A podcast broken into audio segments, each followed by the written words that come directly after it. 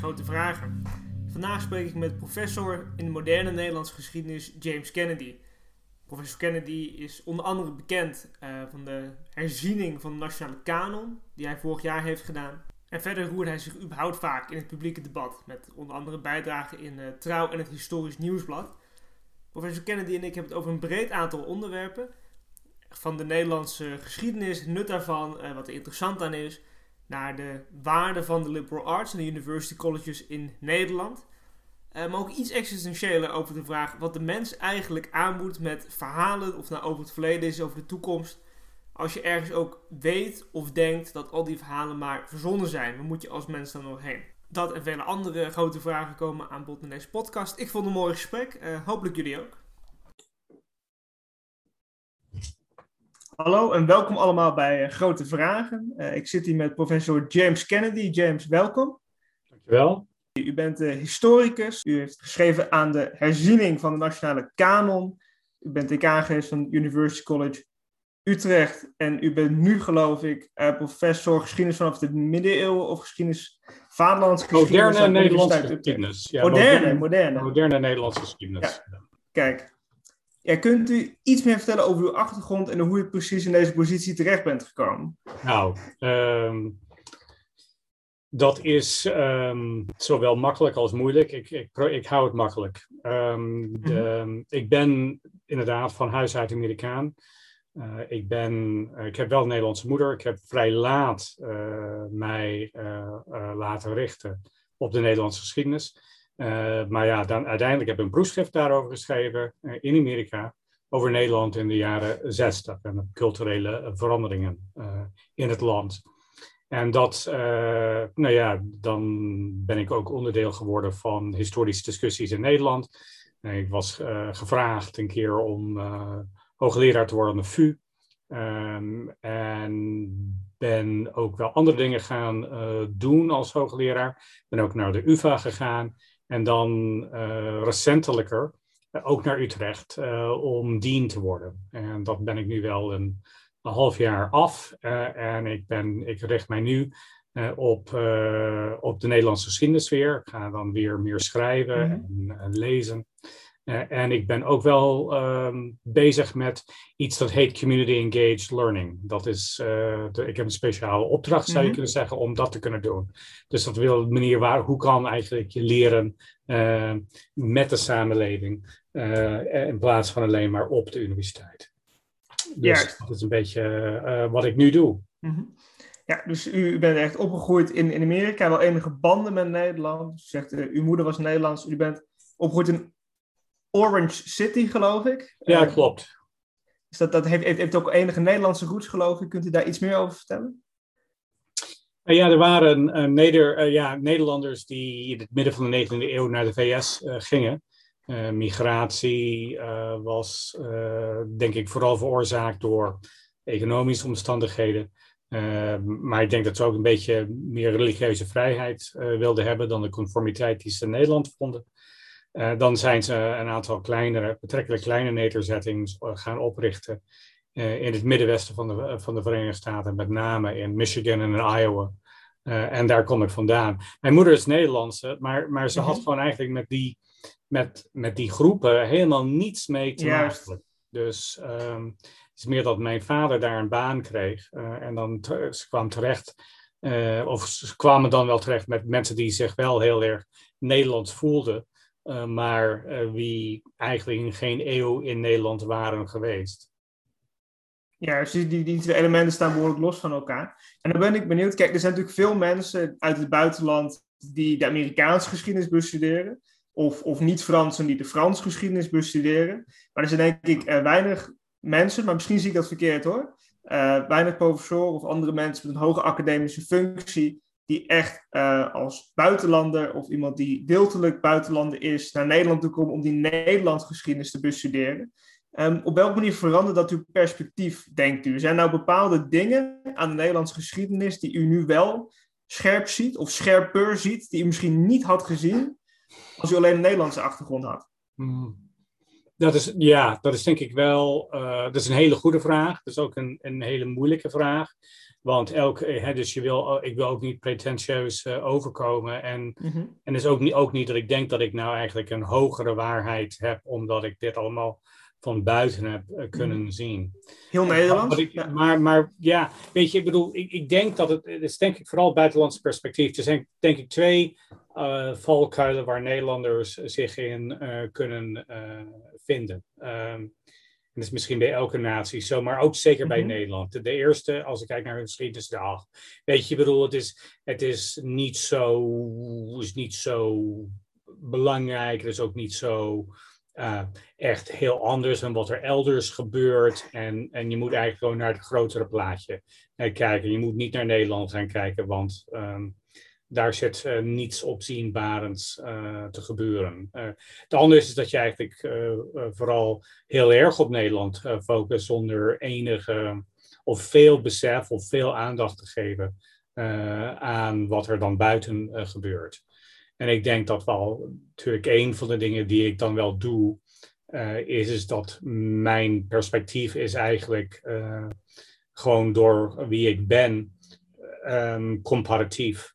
Er zit altijd een comparatieve element in. Uh, en, waar je dan eigenlijk, en waar de bijzonderheden van Nederland, ook waar Nederland wel deel is van een groter patroon, dat die dan ook wel vooral mijn aandacht krijgen.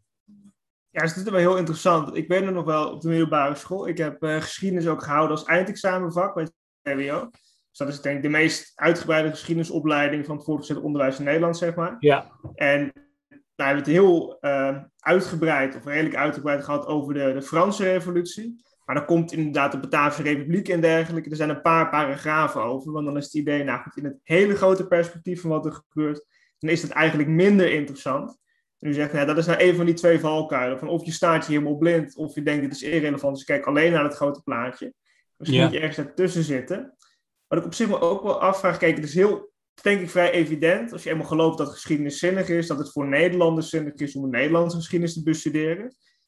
Um, maar u heeft ook wel eens de case gemaakt dat ook voor mensen die niet uit Nederland komen, toch heel interessant is om ook te zien uh, wat nou zich nou in Nederland heeft afgespeeld afgelopen eeuwen. Um, wat zijn de dingen waarvan u zegt, nou, dit zijn ontwikkelingen en die zeggen iets over, over de mensheid of over de mensen of over de samenleving, um, waar we iets van kunnen leren, ook al, ook al woon je niet in Amsterdam?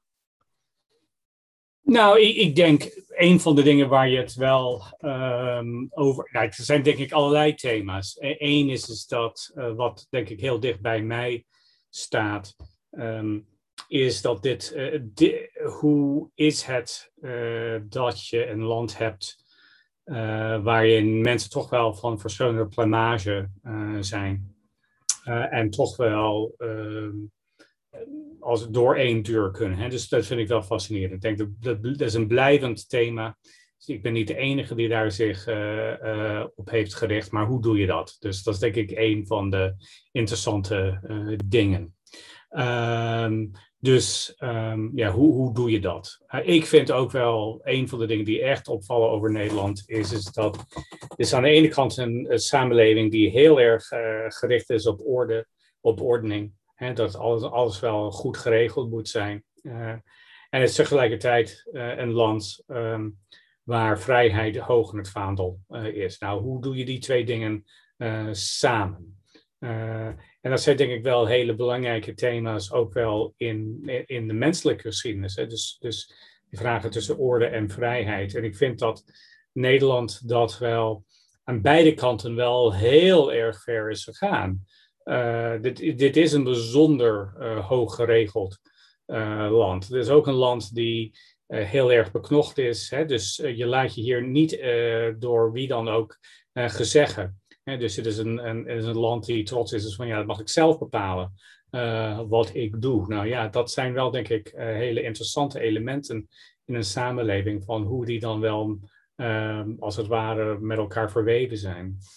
Ja, er zijn bepaalde universele tendensen en die komen vrij goed gedocumenteerd ook uh, in Nederland aan bod. En daarom ja, is het interessant ja. om dat te bestuderen. Ja. Wat ik me afvraag, want um, ik geloof in de epiloog, van uw, uw laatste boek, uh, A Concise History of the Netherlands, dan zegt u geloof ik ook van ja, het is uh, per vierkante kilometer een van de meest filosofisch diverse plekken op aarde.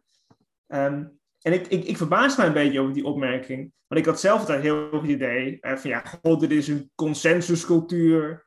Uh, en de, de bandbreedte van het politieke debat is eigenlijk vrij nauw. Het gaat niet heel erg over hele existentiële vragen. Nou, als je dan kijkt naar Frankrijk of de Verenigde Staten, ja. uh, laat staan in India of zo. Dat voelt ja. naar mijn idee veel pluriformer aan uh, dan dat Nederland aanvoelt. Maar in uw optiek is het toch ook vandaag de dag nog, geloof ik, een heel divers land in die ja. opvattingen. Kunt u daar iets meer over vertellen? Ja, dat is, wat denk ik, dat is denk ik ook een interessant punt die je dan wel uh, zegt. Want dit is denk ik, ja, dit is geen land.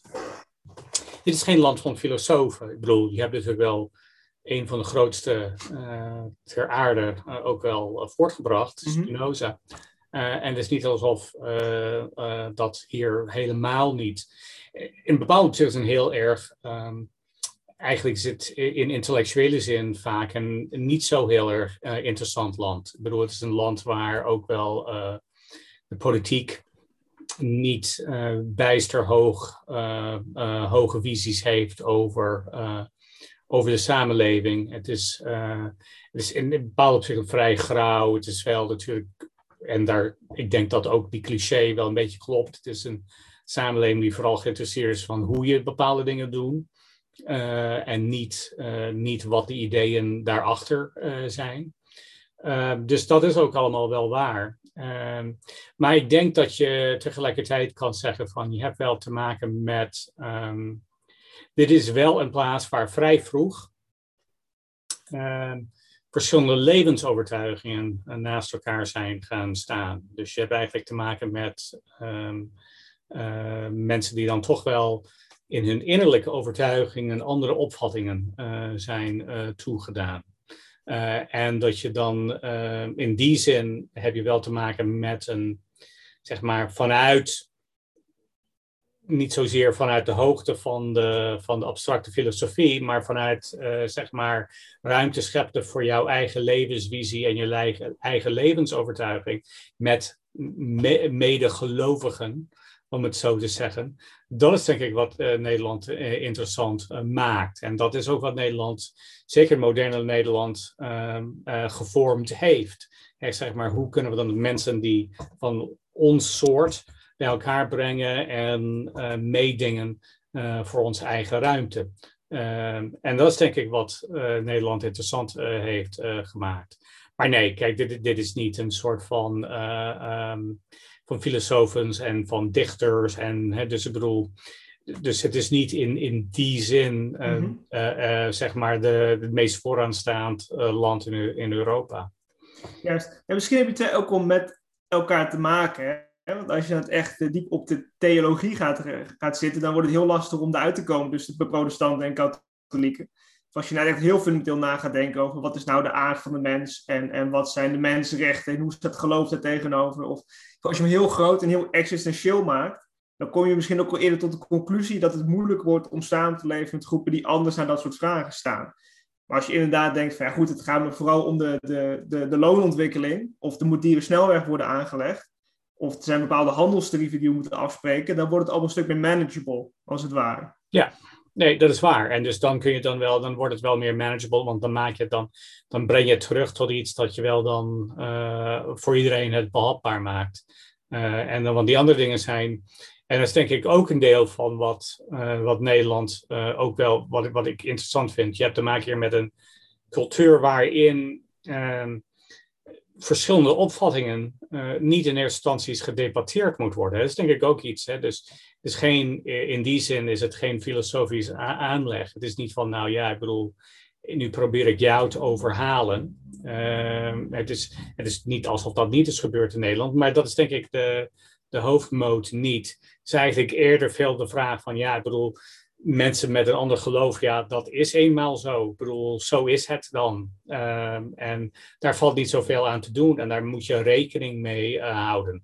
Vind je misschien niet leuk, vind je niet prettig? Ik bedoel, uh, heb je het dan, uh, mensen zien het verkeerd. Maar het is niet iets dat je dan eigenlijk kan oplossen. Dus het is eigenlijk eerder dat je er moet zien daar goed mee om te gaan. Juist. Hey, het, voorbeeld wat in mijn hoofd komt, denk toch uh, Frankrijk, waar het al heel snel gaat over, over de laïcité en de scheiding tussen kerk en staat. En een burkini, dat is een teken van een islamisering, dus het mag ja. absoluut niet op het strand. Hè, dus hebben die strijd gelijk in de publieke ruimte uitgevochten. Nou het hier natuurlijk ook zo, hè, met boerkaverbod en dergelijke. Dus het is niet zo dat het zich niet afspeelt. Maar je merkt inderdaad wel dat een verschil in het niveau van abstractie toch ook een bepaalde andere uitkomst heeft. Ehm, kijk, wat ik in dat kader wel interessant vind, u bent ook uh, academisch gevormd in de Verenigde Staten. En daar staat denk ik de, de bredere ontwikkeling staat nog wat hoger in het aanzien. Hè? Dus de liberal arts and sciences, dat je voordat je advocaat wordt of voordat je dokter wordt, dat je kennis neemt van een breed spectrum aan teksten en, en ideeën. En in Nederland is het van oudsher toch het idee van, ja, goh, wat, uh, wat kan je daarmee? Het is eerder van, nou, studeer maar geschiedenis, dan kan je in ieder geval nog geschiedenisdocent worden. Dus heel erg van, nou, kennis leidt tot een bepaald beroep en dat beroep ga je dan gewoon door je leven doen. En de afgelopen jaren, dat is het 10, 12 jaar, is dat liberal arts and sciences concept iets meer overkomen waar je uit de Verenigde Staten. En dat vindt zijn uitdrukking in de university colleges. Nou, we hadden voordat de opname begon eventjes over. Ik heb op Leiden University College gezeten. U bent uh, decaan geweest van University College Utrecht. Um, ja, wat denkt u dat de toegevoegde waarde is van de liberal arts? En hoe, hoe ziet u de, ja, de status van de liberal arts and sciences in uh, Nederland? In Nederland? Ja. Ja, is denk ik iets. Mijn, mijn beeld hier uh, verschuift ook wel wat. Ook nu dat ik bezig ben ook met het studeren van Nederlandse hoger onderwijs en wat het allemaal is geweest. Ehm, wat, wat ik denk dat het. Uh, dus denk ik een paar dingen die het uh, heeft gedaan. Ik denk dat één, één heeft eigenlijk gewoon te maken. En dat is denk ik misschien wel toch uiteindelijk het belangrijkste verdienste. Is dat je studenten bij elkaar brengt die gewoon echt zin hebben uh, om uh, studeren, die eigenlijk nieuwsgierig zijn. Dat betekent eigenlijk per definitie niet maar één ding, maar het betekent heel veel dingen of meerdere dingen. Dus denk ik gewoon, denk ik ook het geniaal geweest. En dat is denk ik een breuk met Nederland. En die zeggen van ja, maar je moet dan wel dit doen en, en er is een bepaalde leergang die je doet. Uh, en dat moet je natuurlijk wel proberen goed te doen. Maar ja, ik bedoel, ehm, als je een herkansing moet doen of uh, je haalt het tentamen niet, nou ja, dan, uh, dan haal je dat maar gewoon later in. Uh, en dit is denk ik wel denk ik een breuk hiermee. Is dat je dan eigenlijk zeg maar dat je echt dit voorop stelt. Hè? Zeg maar een beetje laar het, het geïnteresseerd zijn in dingen omdat je geïnteresseerd daarin bent en een gemeenschap uh, daarvan maken. Dat vind ik eigenlijk het mooiste daarvan en dat is dan wel een, breuk. En, en ten tweede denk ik is het natuurlijk wel dat hele notie van dat je niet maar één vak bestudeert. Het is denk ik ook wel het begin geweest uh, van um, een toenemende belangstelling voor interdisciplinaire, uh, multidisciplinaire pro programmering aan de universiteit. Dat neemt nu wel, denk ik, hoge vluchten. Ik zal zelfs zeggen dat het neemt het wel een zulke, zulke hoge vluchten toe dat ja, dan je moet eigenlijk wel voor zorgen dat de university colleges nog um, een bepaalde plek weten te behouden um, in zeg maar, universitaire landschap. Uh, maar het is denk ik wel in die twee, in die twee manieren wel heel erg belangrijk uh, geweest voor, uh, voor Nederland. En ik denk met name dat tweede punt is het denk ik, zou je kunnen zeggen, het is een beetje de, op de cutting edge geweest van wat er vervolgens zou gebeuren en nog steeds aan het gebeuren is in, de, in de Nederlandse universiteit. Juist. Zo eventjes voor de luisteraars die minder, minder bekend mee zijn. University College Nederland, dat heeft ook een vrij uh, strenge selectieprocedure. Dus dan kom je daar niet zomaar in. En dan woon je daar op campus en met allemaal studenten van diezelfde studie. En vorm je meer een gemeenschap in plaats van dat je daar bijvoorbeeld in Leiden gaat roeien. Dat dat je sociale gemeenschap is en dat je ook nog een studie daarnaast doet. Dat je dat wel ziet.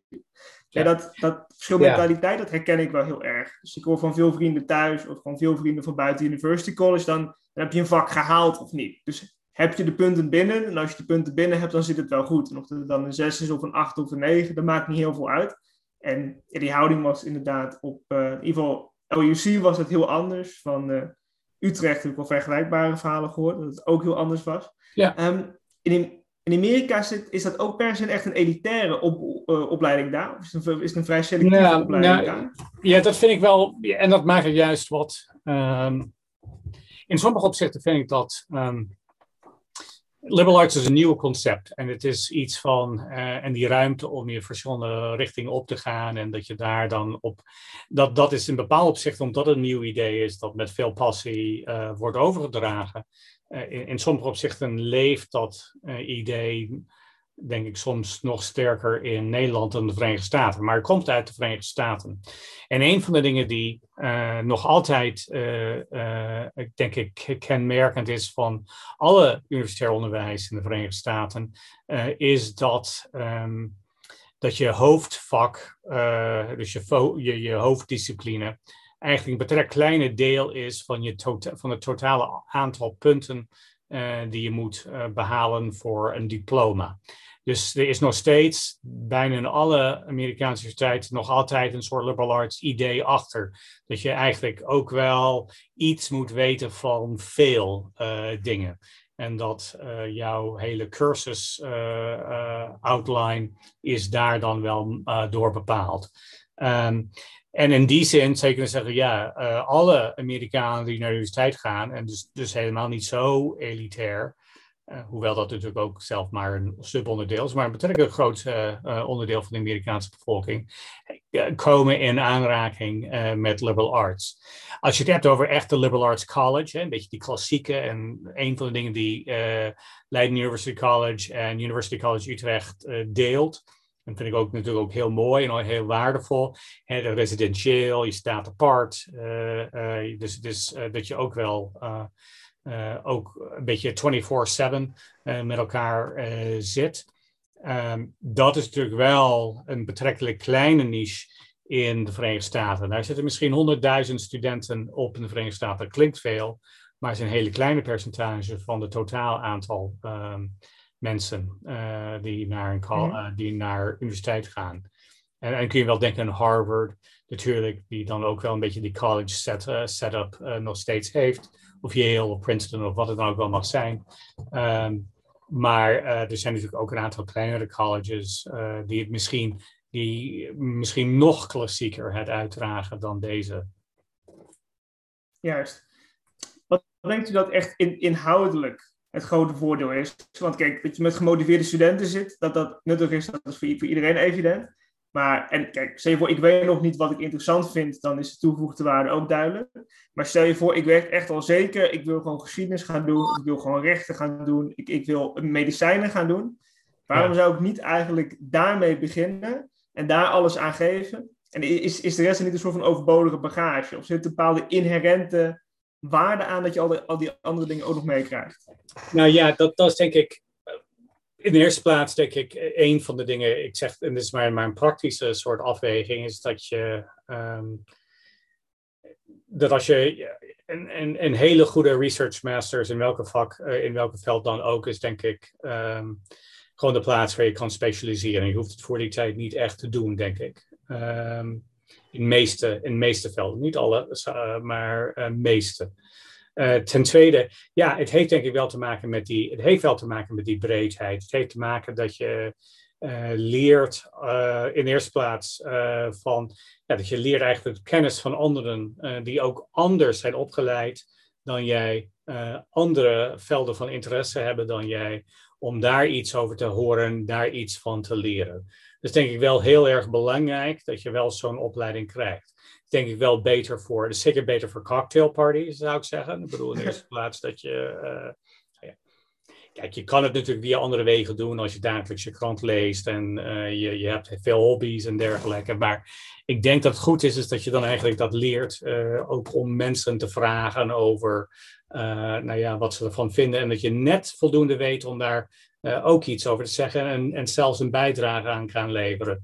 Dus dat is denk ik de, waardevol, de waarde daarvan. Maar we weten het ook zeker. Ik bedoel, en dat, daarom neemt ook interdisciplinariteit ook hoge vlucht in landen zoals Nederland, is dat het ook wel belangrijk is, is dat je dan eigenlijk niet alleen maar uh, één optiek hebt. Dat je wel uh, eigenlijk uh, meerdere perspectieven waardeert.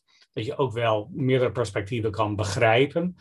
dat dat wel eigenlijk heel erg belangrijk is voor wat je dan ook doet. Dus er is een bepaalde dus je socialisatie als persoon, als burger. Hè? Dus die, dat je eigenlijk in vele markten thuis bent maar ook wel als, uh, als academicus of als professional. Ik denk dat het wel heel erg belangrijk is dat je het ook wel uh, kan doen. Daarom waarderen ook wel, uh, zeker ja, de, zeg maar de medische mensen, ook wel mensen die van UCU komen, om te zeggen van ja, want dat zijn gewoon, dat zijn dan, of zijn wel goed gepositioneerd om wel niet, nou ja, om toch wel wat breder te kijken ook als arts. Hè. Dus dat betekent dat hun uh, belangstelling ook, hè, dus het betekent dat hun ogen en perspectieven en mogelijkheid om in contact te komen met uh, patiënten vergroot wordt, maar tegel en tegelijkertijd uh, dat ze dan ook wel in staat zijn om uh, ook in het laboratorium, als het ware, uh, meerdere perspectieven uh, ook wel in ogenschouw te nemen als het gaat over het doen van eigen onderzoek en het begrijpen van het medisch vak. Ja, dus dat juist voor die eigenlijk vrij beroepsgerichte WO-opleidingen, dus bijvoorbeeld rechten of medicijnen, ja. het heel zinnig is als juist die mensen een breder perspectief hebben vanwege de verantwoordelijkheid die ze gaan dragen, omdat je misschien de dilemma's waar een arts voor komt te staan. Nu, nu klinkt een beetje oneerbiedig, niet met één of twee vakken ethiek op de medicijnenopleiding volledig kan geven zoals je dat in de meerjarige liberal arts opleiding hebt. Dat ja. één vak rechtsfilosofie bij rechten niet genoeg is om alle dilemma's te laten zien en alle aannames te laten zien die misschien verscholen zitten in de complexe, complexe gang van het recht. Nee, ik denk het niet. Ik denk het niet. En, en, en, zelfs, en ik denk zelfs dat uh, wat het kan doen, het is natuurlijk waardevol dat deze cursussen er gewoon bestaan, want ze hebben ook niet altijd bestaan. Uh, maar het is denk ik wel, um, ik denk dat veel studenten in uh, rechten en in geneeskunde helaas deze vakken nog steeds zien als een beetje als een sideshow in ieder geval het niet uh, goed, genoeg is. En dat is denk ik omdat er een, eh, omdat er een bepaalde basis ontbreekt voor die, uh, voor die discussie. De, de, de reden waarom dat in Nederland lange tijd niet, zo'n University College niet heeft bestaan, is het idee van, um, ja, dat hebben ze al, al in het gymnasium al gehad. Dus dan hoeven ze het nu niet meer, niet een verlengstuk hiervan uh, te krijgen. Ik denk dat dat wel ook een van de redenen waarom men hier niet in eerste instantie over uh, enthousiast was. Maar ja, het punt is, is dat het door blijft gaan en dat ook op universitair niveau, ook wanneer, je echt als het ware een soort opmaat voor het doen van echt onderzoek, dat het ook daar plaats moet vinden. Ja, het is een hele sterke spanning in geloof ik. Dus, leid je nou op tot een technisch beroep of, of is jouw universitaire studie ook heel belangrijk in het vormen van jou als mens, als burger, als denker? Uh, en dan is inderdaad heel logisch waarom die liberal arts erbij komen. Ben ik ook benieuwd, wat, ja, wat denkt u specifiek dat je ervan kan leren? Van laat uw eigen vakgebied nemen, geschiedenis. Kijk, ik vind het superleuk. Uh, ik, lees het ook graag, ben altijd mee bezig geweest. Ik neem aan dat voor u hetzelfde geldt. Um, maar als ik heel eerlijk ben, als mensen mij vragen waar is dat goed voor, dan denk ik vaak zelf van, nee, ik doe het vooral omdat ik het heel leuk vind. En dan kan ik over redenen verzinnen waarom het heel erg zinnig is. Maar die zijn voor mij, mij secundair. Maar wat, wat, wat denkt u eigenlijk dat het nut is uh, van het bestuderen van de geschiedenis? Of wat kunnen we er eigenlijk van leren, waar we nu iets aan hebben? Ja, weet je, dat, dat is... Um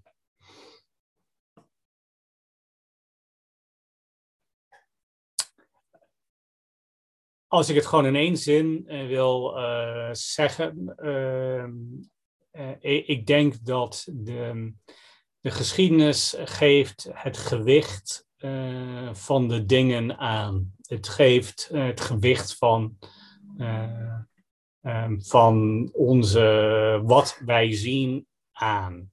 Als we het begrijpen, als we het zien. dus je kunt wel even denken van uh, alleen maar al in metaforische zin, maar misschien ook in letterlijke zin. je moet even denken aan als je dan in een stad loopt en je denkt aan wanneer deze gebouwen zijn ehm, gemaakt. voor wie zijn ze gemaakt? Hebben ze hun hebben ze hun um, doelstellingen bereikt? wat voor mensen zaten er, wat voor mensen komen er nu? Hoe verandert dat dan op terrein? Is dit wel mooi gemaakt? Is, is het wel op lelijke manier gemaakt? Ik, ik zeg nu wel een hele eenvoudige termen. zijn, zijn de dingen wel goed bijgehouden? Niet, niet wat is er dan eigenlijk? Ehm, en dan kun je denk ik niet, dat kun je alleen maar doen als het ware door de geschiedenis van zo'n van zo'n wijk of van zo'n straat eigenlijk te hebben begrepen. En ik denk dat houdt ook zo voor de geestelijke dimensies van het leven. En waarom denken mensen waarom ze denken wat ze denken. Hè? Dus denk ik ook een van de dingen. Dat is, daarom heb je eigenlijk geschiedenis nodig om, om een beetje die patronen te zien. En met name, en dat is denk ik anders dan een socio-economische vak of een sociologische vak, is, is dat, het, ja, dat het eigenlijk laat zien dat heel veel van de aannames die wij hebben, uh, heel veel van de patronen, heel veel van de problemen waar wij mee te maken hebben, eigenlijk een, diep verankerde geschiedenis. Um, en het, ik denk dat het dat is, en begrijpen hoe het verankerd is uh, in een verleden is heel erg belangrijk. En ook natuurlijk hoe het sinds die tijd uh, veranderd is en aan het veranderen is. Denk ik heel erg belangrijk. Maar het geeft een beetje het gewicht aan het, aan het heden. Ik bedoel, wat is nou. Um, um, en, en dat is denk ik wel wat het belang ervan is. En ik zeg er nadrukkelijk bij dat als je dat doet, het gaat niet over zeggen, nou ja, dat, ik, dat het alleen maar over het heden gaat. ik denk als je het zo ziet, dat je ook wel het verleden uh, om het verleden ook wel echt steeds interessanter uh, vindt. Dat je vindt ook van, ja, maar, maar ja, het is toch fascinerend hoe men toen handelde, hoe men toen dacht. Maar het begint daar denk ik wel mee. En daarom, daarom vind ik ook geschiedenis wel een vorm van wijsheid. dat je wel een soort idee hebt van, nou, um, ja, wat is nou, wat is, hoe is het gekomen dat wij hier in deze plaats zijn zoals we zijn. Ja, dus het geeft een beetje ten eerste de, de context aan van vrijwel alles wat, wat er gebeurt, door het grotere perspectief te pakken. En daarin, daarin verklaart het heel veel. Um, en geeft ook aan hoe bizar dingen soms zijn gelopen. Dus dat, dat de dingen die wij voor normaal aannemen, dat dat vrij specifieke ontwikkelingen zijn, die op andere plekken en andere tijden zeker niet het geval hoeven te zijn. Daar zie je het water in je vent een beetje meer. Uh, in, in, in hoeverre kunnen wij nou echt een heldere blik op die geschiedenis krijgen? Van, als we nou bijvoorbeeld uh, de val van, van het Romeinse Rijk lezen, uh, nemen. Voor mij zijn de oude Franse theorieën daarover. er zijn van, nou ja, je had een prachtig Romaans imperium en toen kwamen de Germanen binnen, toen ging het helemaal ten onder. Je hoort weer bij Duitse historici van, nou ja, en dat was al aan het ondergaan en toen kwamen die Germanen en kwam dat, dat levensbloed kwam er weer in. De Europese Unie begin um, van, de, van de tijd die zegt, nou, dan moet je zien als een soort van verbroedering, een samensmelting der volkeren. Kon nu aan de rechterzijde van ja, massa-immigratie heeft allemaal kapot gemaakt. Aan de linkerzijde, nou, klimaatverandering, dat hielp zeker ook allemaal niet mee. Het leek heel erg alsof wij in extreme mate een soort verleden soort van spiegel maken van onze hedendaagse problemen, concepten en opvattingen. Uh, maar dat dat misschien meer over ons zegt dan over het verleden. Dus in, in, in hoeverre hebben we eigenlijk zuivere toegang daartoe? Ja, nee, we hebben nooit zuiver eh, toegang daartoe. Dus het is altijd uh, vanuit het bril van het heden. En je, je, kan ook zeggen van dat je de. Ehm, nou ja, de, in de eerste plaats moet je daar maar een, moet je van de deugd maar van de nood maar een deugd maken. Dat je zegt van nou ja, het kan ook niet anders. Je kan ook zeggen van ja, het is een bepaalde blik die je hebt op de geschiedenis. Uh, dus ja, dus in die zin ehm, ben je eigenlijk altijd, ik bedoel, niemand zou, denk ik, mij kunnen, ja, ik bedoel, als ze, als ze dan, als een historicus goed zijn werk doen, kan, over een eeuw of twee of tien, zou je altijd kunnen zien dat ik dan wel uit een bepaalde tijd kom, op de manier waarop ik schrijf. Dus, dus ik zit daar gewoon in. En we zitten er allemaal in.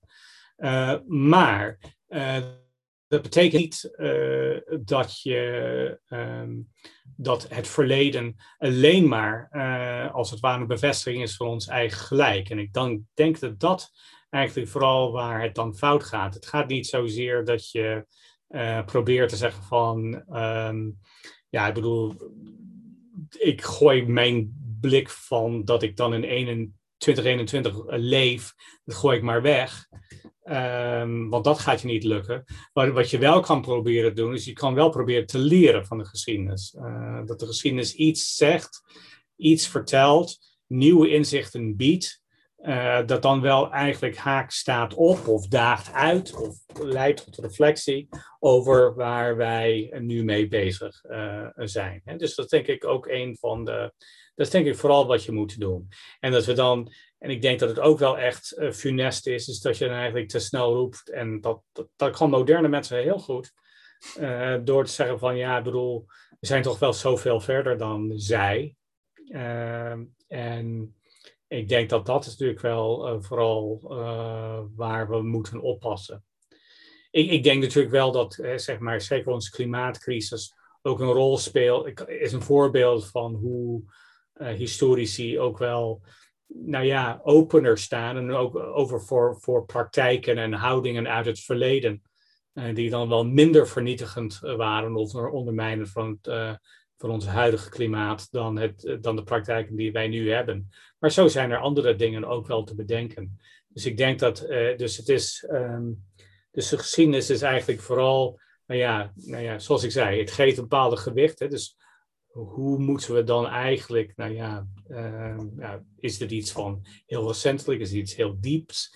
Dat we dat eigenlijk vooral uh, begrijpen. Maar er is ook een waarderende element denk ik ook wel bij de studie van geschiedenis is. En dat is ook wel ja, bepaalde liefde of waardering hebben voor wat in het verleden is gebeurd. Ook wel zeker oog hebben voor de verschrikkelijke dingen. Verschrikkelijke dingen eh, die soms wel doorgaan en ook de verschrikkelijke dingen die nu minder eh, zijn. Dat moet je ook wel uh, zien.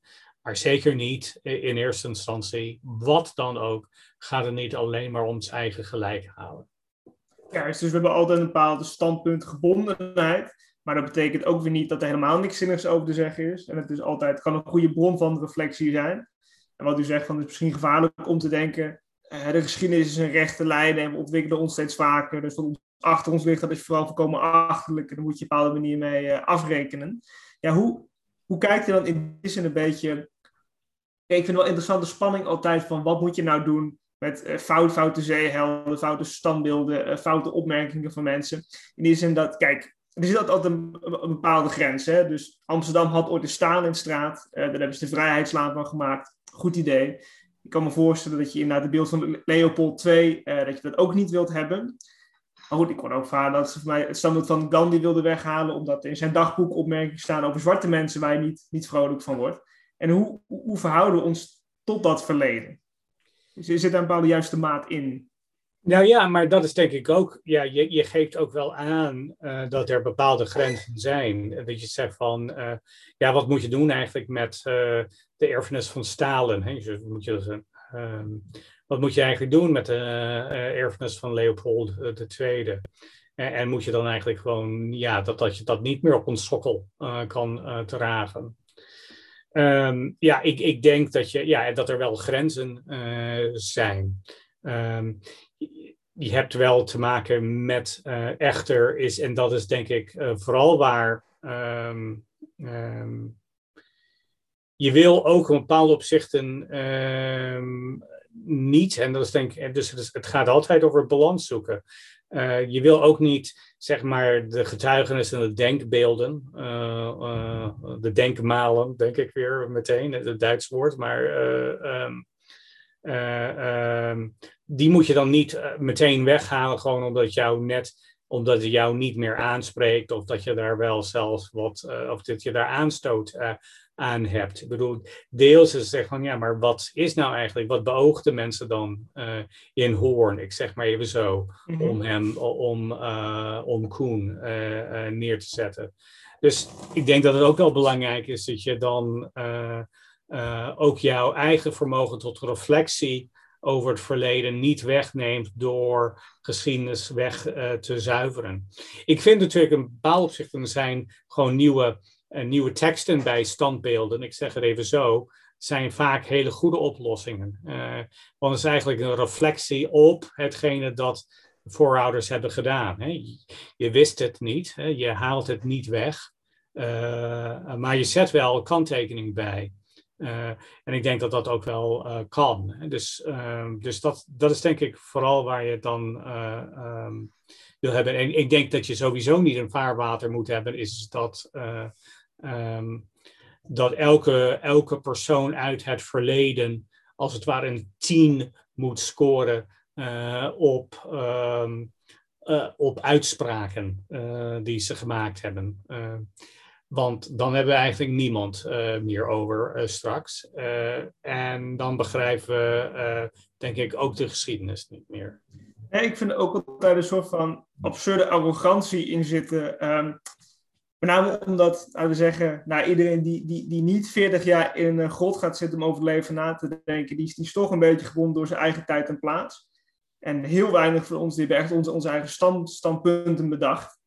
En om dan te zeggen van, nou ja goed, eh, ik ben 22, maar ik weet het zoveel beter dan al, de, al die gegleerden 50 jaar geleden, want die waren allemaal fout. En ik zou dat nooit doen. Daar zit ook een heel vervonden mensbeeld in. Ja, ja maar dat is zeker. Nee, maar dat, dat denk ik ook. En het is ook wel weer van dat je... Um, dus deels is er inderdaad een soort um, misplaatste arrogantie. Uh, die daar dan wel in, in speelt. En het andere is natuurlijk, ongeacht of je 22 bent of 72 bent. Ik bedoel, een van de dingen die je altijd moet zeggen is, dat. Uh, denk erom, ik bedoel, ja, misschien eindigt de geschiedenis morgen, maar waarschijnlijk niet.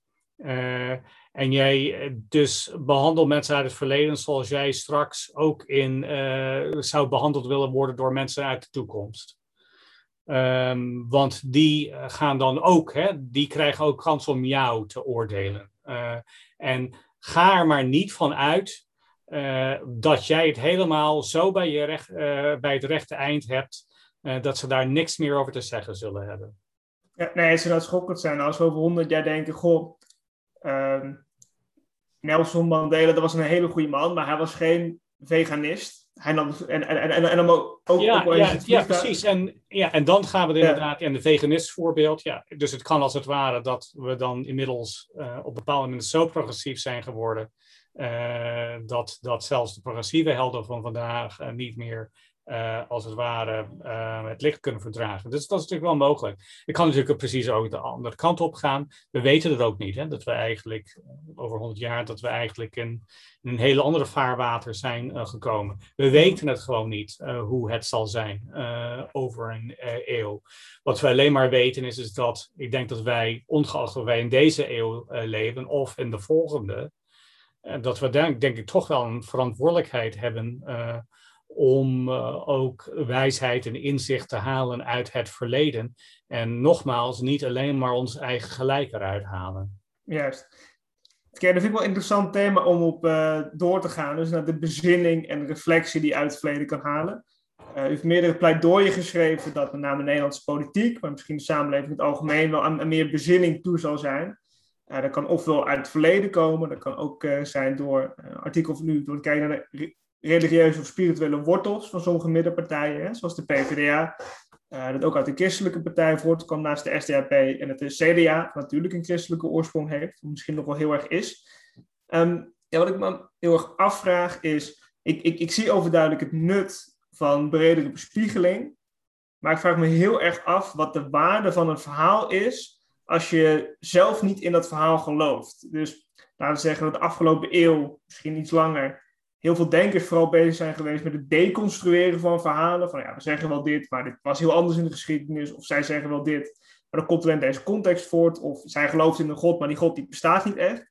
Ja, stel je voor, je neemt het eenmaal aan. Uh, stel je voor, ik, ik ben niet christelijk. Wat heeft dit dan voor nut voor mij uh, om te kijken naar de christelijke wortels van, van de PvdA? Welke bezinning zou dat mij precies brengen?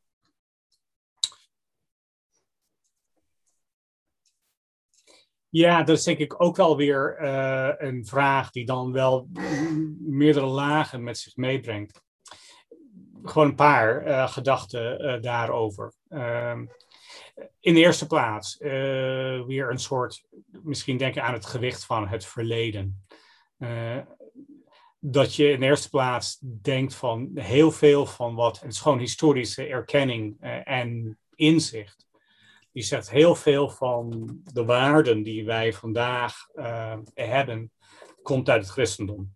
Dus gewoon, uh, dat is wel, uh, dus de hele notie van naaste liefde, het idee dat je dan eigenlijk vooral, um, dus de, de, de armeren zijn niet minder dan de rijkeren in, termen, in de ogen van God, of um, dat iedereen behoort als het ware, iedereen heeft zijn eigen waarde.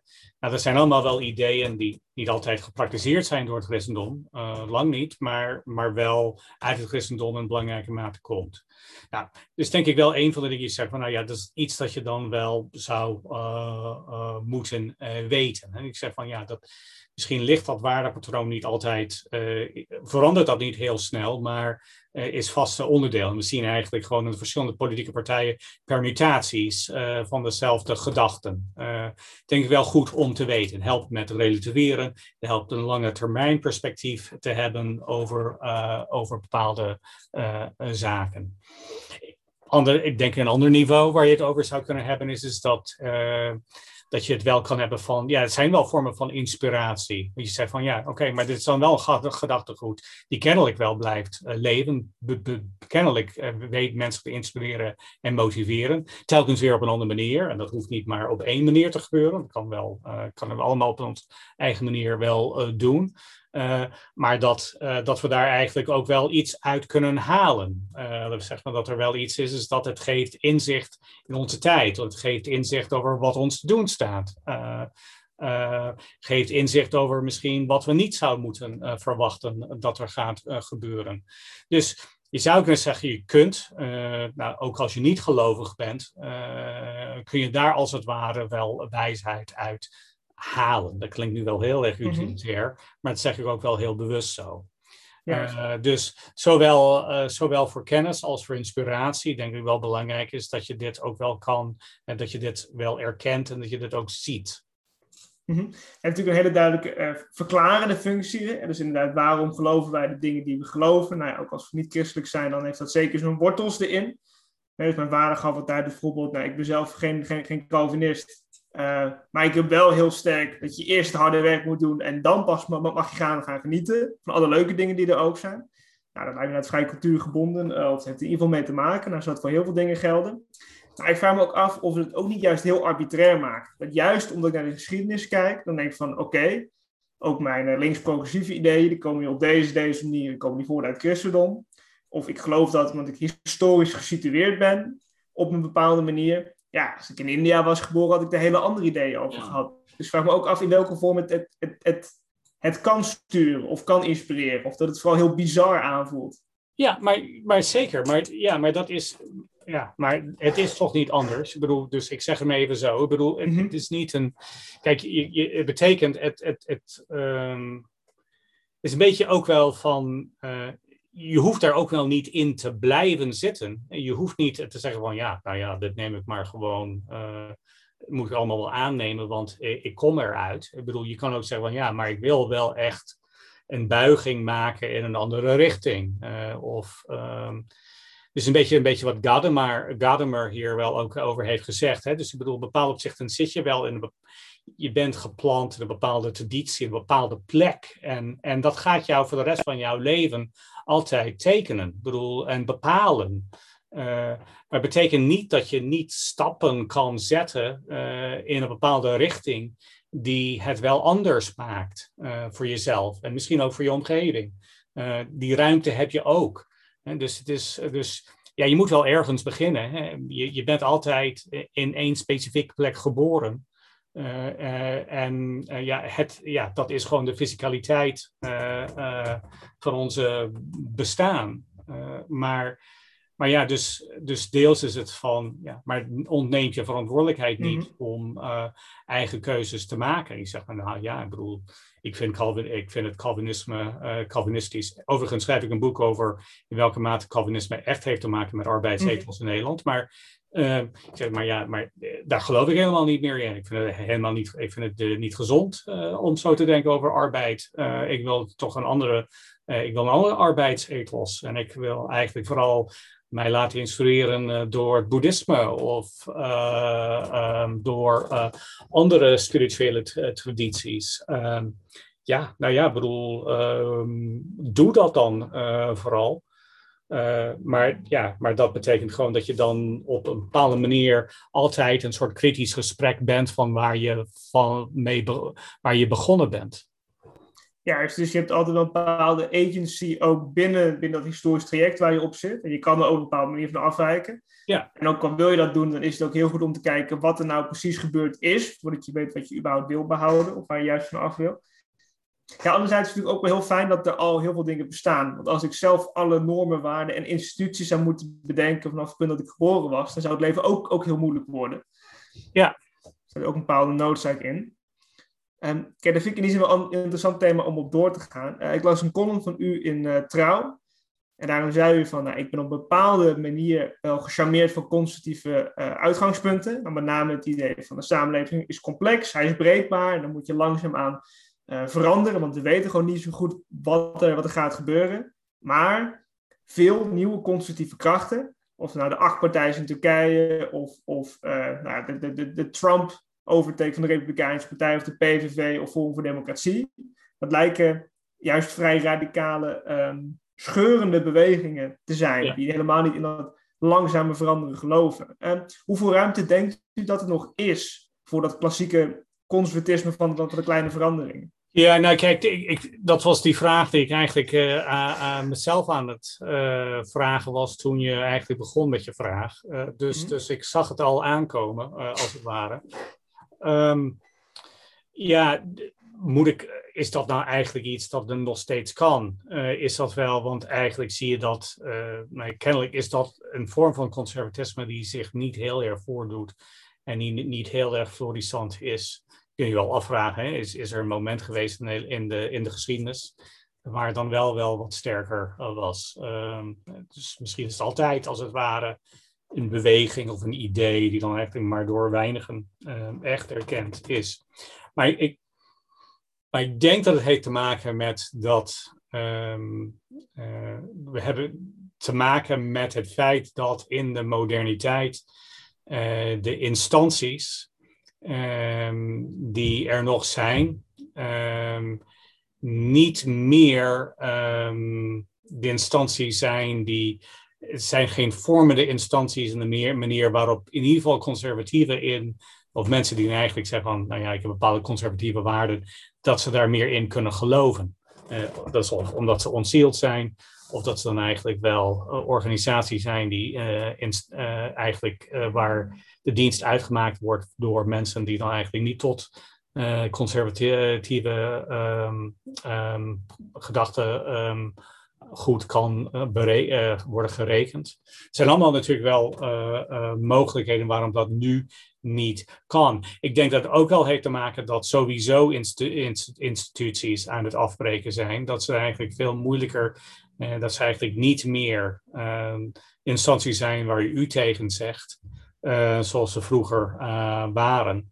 en dat ze dan eigenlijk in die zin ook die last die conservatieven hadden beraamd, dat ze die niet meer kunnen dragen, dat ze dat niet meer kunnen doen. Uh, en dat dat ook wel ook een van de problemen zijn uh, van, deze, uh, van deze tijd. Ik bedoel, het, het, zijn, het zijn wel instanties die als het ware dingen wel vast houden, maar ze zijn ook wel heel erg breekbaar, heel erg precair. niet meer in staat om als het ware effectieve leiding te geven aan de richting van samenlevingen. Uh, dus ze doen ook gewoon niet meer wat uh, Burkeanen hadden mhm. gehoopt dat ze zouden doen. Ja, dus inderdaad die, die oude notie van ja, ofwel dit is gewoon God gegeven, ofwel dit is de traditie die is superbelangrijk, ofwel deze mensen zullen het wel beter weten dan ik, dus ik, ik moet er maar gewoon niet al veel vraagtekens bij stellen. Ja. Nou, die noties zijn heel erg weggevallen. Ja. nou ja, inderdaad, gewoon onder van de gewicht van de moderniteit. Dus inderdaad dat, dat deconstrueren waar we het over hadden. Hè?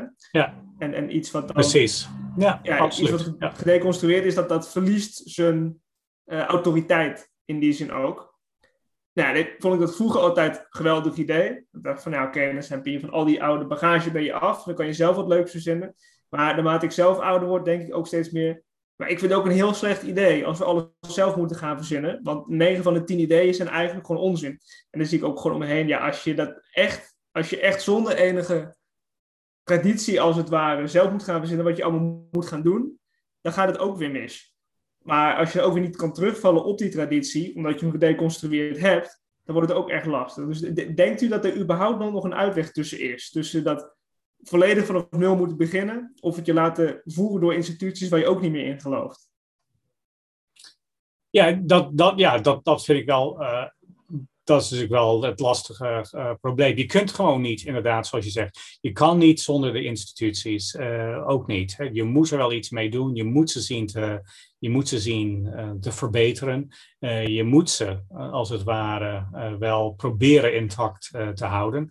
Niet alle. En je moet natuurlijk, maar dat zou elke conservatief ook wel zeggen. Je moet dan ook wel ze bij tijd en wijle hervormen. Dus niet dat ze allemaal hetzelfde moeten blijven. Dat is natuurlijk wel nooit het idee eh, geweest eh, dat alles hetzelfde blijft. Het gaat over de geleidelijke verandering. Het gaat over eh, gepaste veranderingen die dan wel ook moeten gebeuren. En dat is denk ik, maar ja, dat is denk ik wel heel erg, ehm, dat is dan wel heel erg moeilijk om dat te doen. En het is nog denk ik zoeken naar van hoe krijg je als het ware de, uh, ik denk dat is ook een van de grote problemen. En ik denk zelfs in Nederland dat dat nog enigszins meevalt, maar het is hier ook een probleem uh, geworden. Uh, hoe, um, wat doe je eigenlijk met, uh, wat zou de verhouding kunnen zijn tussen de instanties die je eigenlijk nodig hebt en de bezieling en de richting die mensen zelf zoeken en willen hebben en het vooral daar niet in vinden? Ja. Nee, maar je merkt nou toch dat als, als dat er niet is, ja, je kan ofwel vervallen in een bepaald nihilisme van daar is helemaal niks waar. Maar wat je geloof ik al historisch veel meer ziet gebeuren, is dat mensen iets zoeken wat gewoon absoluut waar is. Dus nou bepaalde politieke bewegingen zijn, of juist heel fundamentalistische, fundamentalistische religieuze bewegingen, of ja, een beetje alternatieve antroposofische dingen die, die ook tot absolute waarheid worden verheven. Dus er zit iets in de mens wat niet kan leven met het project van de afgelopen eeuw van het deconstrueren van alles. En dat, uh, nou, dat, levert de nodige tafereelen op. Ik bedoel, ik, ik denk dat je de. Kijk, deels is dus wat, wat er is gebeurd met uh, de grote verhalen. Is dat in landen zoals Nederland. Uh, dat ze wel heel erg afgebrokkeld zijn. Is niet zozeer. Dus mensen vertalen dat naar hun eigen uh, verhalen. Er zit niet als het ware een heel duidelijke verhaallijn die uh, boven iedereen hangt. Zoals in Turkije, dat is ook wel onderzoek. Hè? Dus dan heb je eigenlijk een soort verhaal van, van de natie en je hebt het verhaal van God. en die kun je gewoon maar als het ware naar beneden halen, elke keer als je iets wil zeggen. ook, en, en bepaald zich je eigen handelen en perspectief plaatst van die, van die twee grote verhalen. Um, dus dat is, ja, dat is hier niet voorhanden. Uh, en dan in die zin heb je wel te maken met een uh, verbrokkelde uh, weerwar van verschillende betekenissen. En ja, dat is niet. Betekent ja, dat je hebt te maken met individuen die als het ware daar zelf iets van moeten maken. En dat ze zelf een verhaal van uh, moeten zien, uh, te uh, bedenken en uit te voeren. Um, vaak heeft dat echo's van, van de grotere verhalen. Hè? Dus is niet. verschillende verhalen zijn niet onbeperkt gewoon te, te produceren. Is niet dat je kunt ze allemaal maken zoals je maar wil en eindeloos. Maar dat het wel, maar dat natuurlijk mensen ontlenen zich ontleent, ontleent uh, ja, men, ja, dat gewoon bepaalde gedachten gewoon worden gebruikt. Uh, door, door wie dan ook om bepaalde dingen te doen. Is dat erg? Is dat slecht dat dat gebeurt?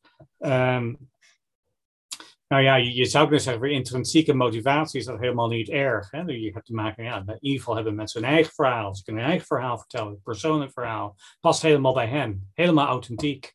Uh, zoals mensen dat ook willen zijn. Dus misschien is er dan in die zin helemaal uh, niets, uh, niets aan de hand. Um, aan de andere kant, ja, het maakt het moeilijker. Um, het maakt het moeilijk als het ware elkaar te kunnen bereiken.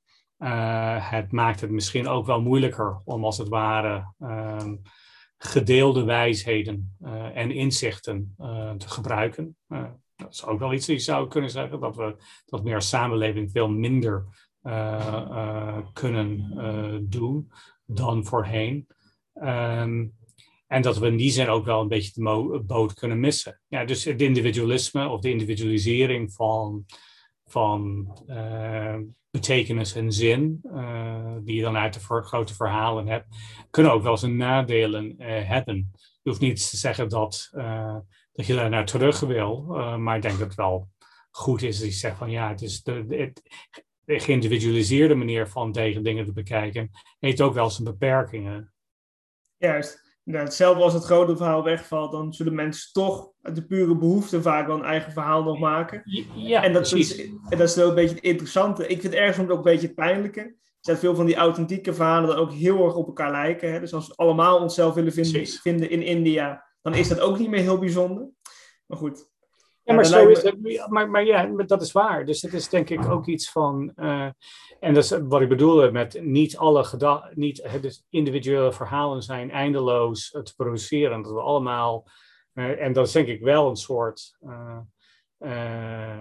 godspe, een soort aanname dat we allemaal zulke unieke individuen zijn, dat we dan geheel unieke verhalen kunnen vertellen.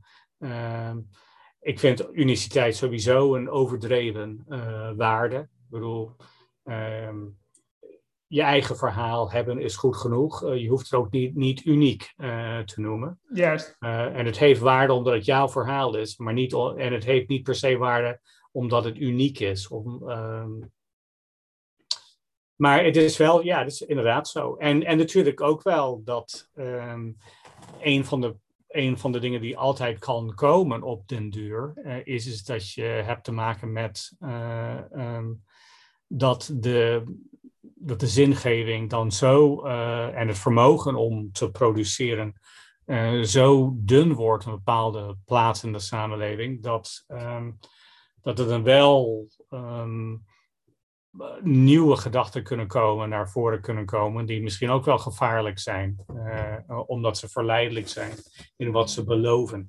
Uh, en dat ze makkelijk antwoorden op bepaalde dingen uh, bieden.